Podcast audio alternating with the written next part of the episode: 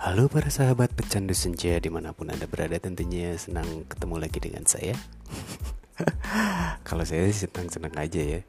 By the way anyway kali ini saya akan membahas tentang cryptocurrencies. Sejarahnya ya bukan cryptocurrencies-nya. Jadi memang ini sekarang-sekarang ini lagi booming ya. Cryptocurrencies ini bahkan uh, walletnya juga udah banyak banget bahkan saya juga make ya ada beberapa ya kayak MetaMask, Payoneer, PayPal dan lain-lain. So ya banyak lah pokoknya. Dan apakah uh, para sahabat ini pernah mendengar Ethereum, Litecoin, terus apalagi ya Cardano, EOS, Tron, Libra, Doge, uh, Bitcoin. Nah ini Bitcoin yang paling terkenal ini ya, gila pokoknya. So, para sahabat, teman-teman, di mana pun uh, anda berada, tentunya cryptocurrencies ini memang menarik untuk dibahas ya. Apalagi sejarahnya kok bisa sih? Ini bisa jadi uh, ajang menjadi jual beli bahkan harganya pun edan ya. Dan kalau kalian lihat di Mindtable atau OpenSea IO itu harga-harganya harga-harganya itu nggak make sense banget. Bahkan saya mencoba untuk uh, berpartisipasi di sana dan ternyata memang ya harganya edan. Jadi saya mencoba untuk menjual beberapa uh, kreasi saya di sana dan ya mudah-mudahan aja ada yang beli gitu ya. So mari kita masuk ke sejarahnya dulu nih tapi sebelumnya dengar dulu yang ini Don't skip it oke okay, guys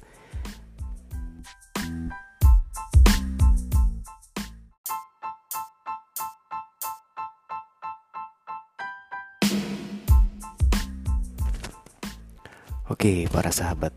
Jadi konsep awal uang kripto ini gimana sih?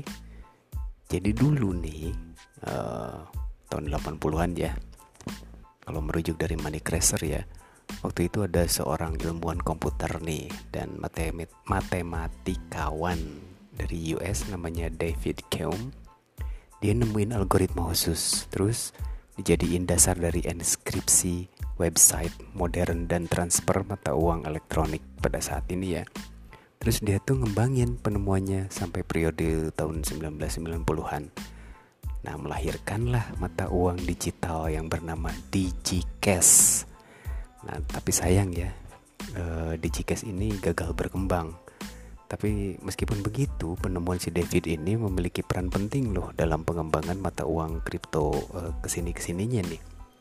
Dan belasan tahun kemudian, seorang insinyur perangkat lunak atau software yang bernama Wei Dai, dia nyiptain B-Money.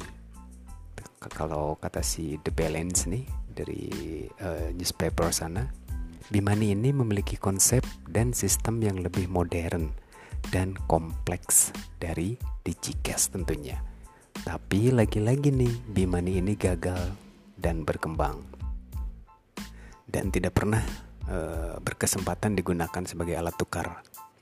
Nah, memasuki akhir tahun 90-an dan awal 2000 muncul perantara keuangan digital yang konvensional dan eksis sampai saat ini, yaitu ya seperti tadi saya bilang saya memakainya ya. Saya memakai PayPal.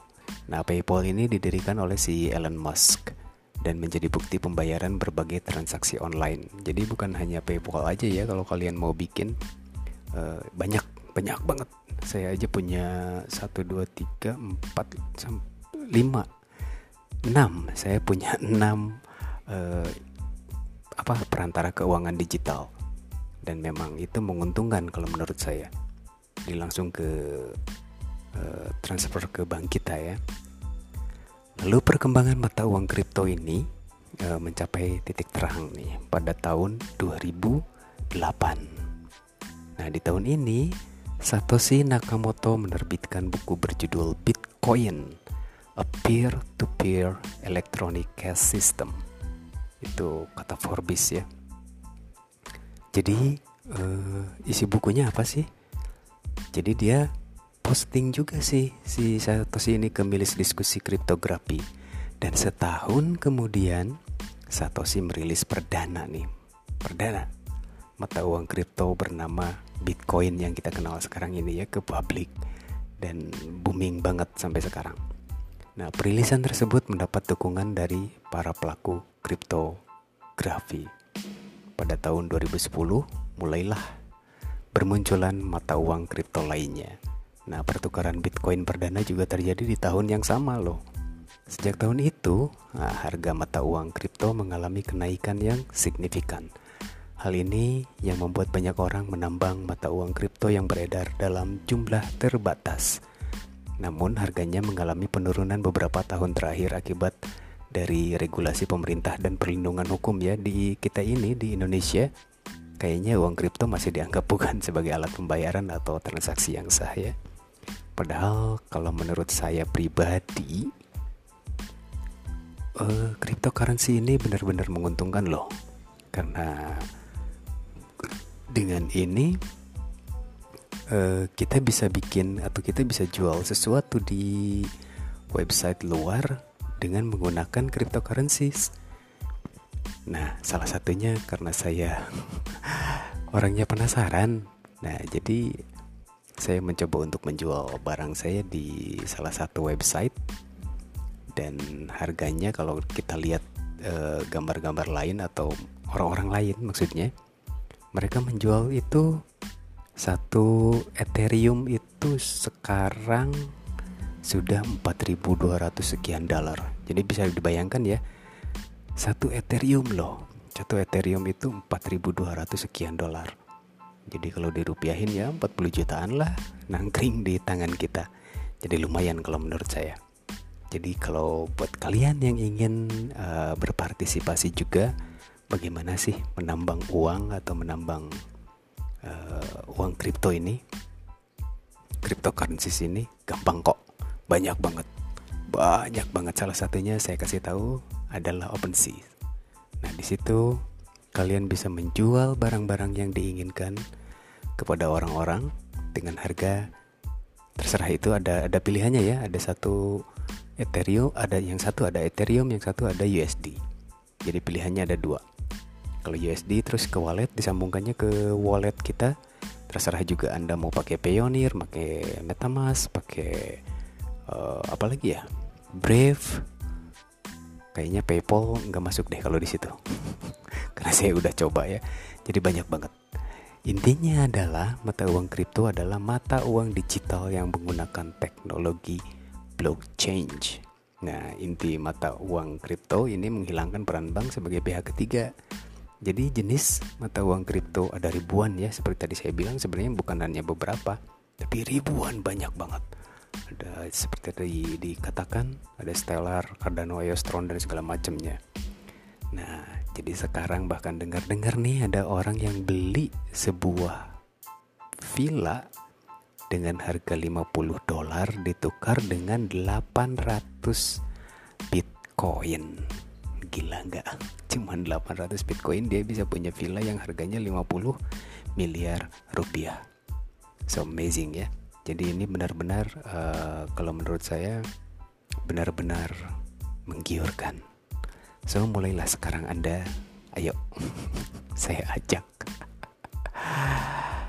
ayo kita menambang karena banyak banget sekarang ada miner get dan segala macam ya saya sendiri suka uh, menambang bitcoin eh sorry maksudnya uh, uh, cryptocurrencies ini di PC saya ataupun di HP saya tapi kalau di HP kayaknya enggak deh nanti panas nggak kuat jadi itulah uh, kesimpulannya adalah cryptocurrency seperti tadi saya bilang adalah mata uang kripto uang mata uang digital ya yang menggunakan teknologi blockchain. Nah, kayaknya nanti saya akan kupas lagi tentang mata uang kripto ini. Uh, gimana sih bisa menghasilkannya? Mungkin penasaran ya, dengerin aja nanti episode selanjutnya. Karena banyak yang akan saya bagi, banyak banget, banyak banget yang akan saya share how to make money with uh, cryptocurrencies. Sampai jumpa buat para sahabat, semoga selalu sehat walafiat. Dan di masa masih pandemi kayaknya, kayaknya sih. kita selalu sehat walafiat ya dan jaga-jaga ringkas tentunya. Oke, sampai jumpa dan salam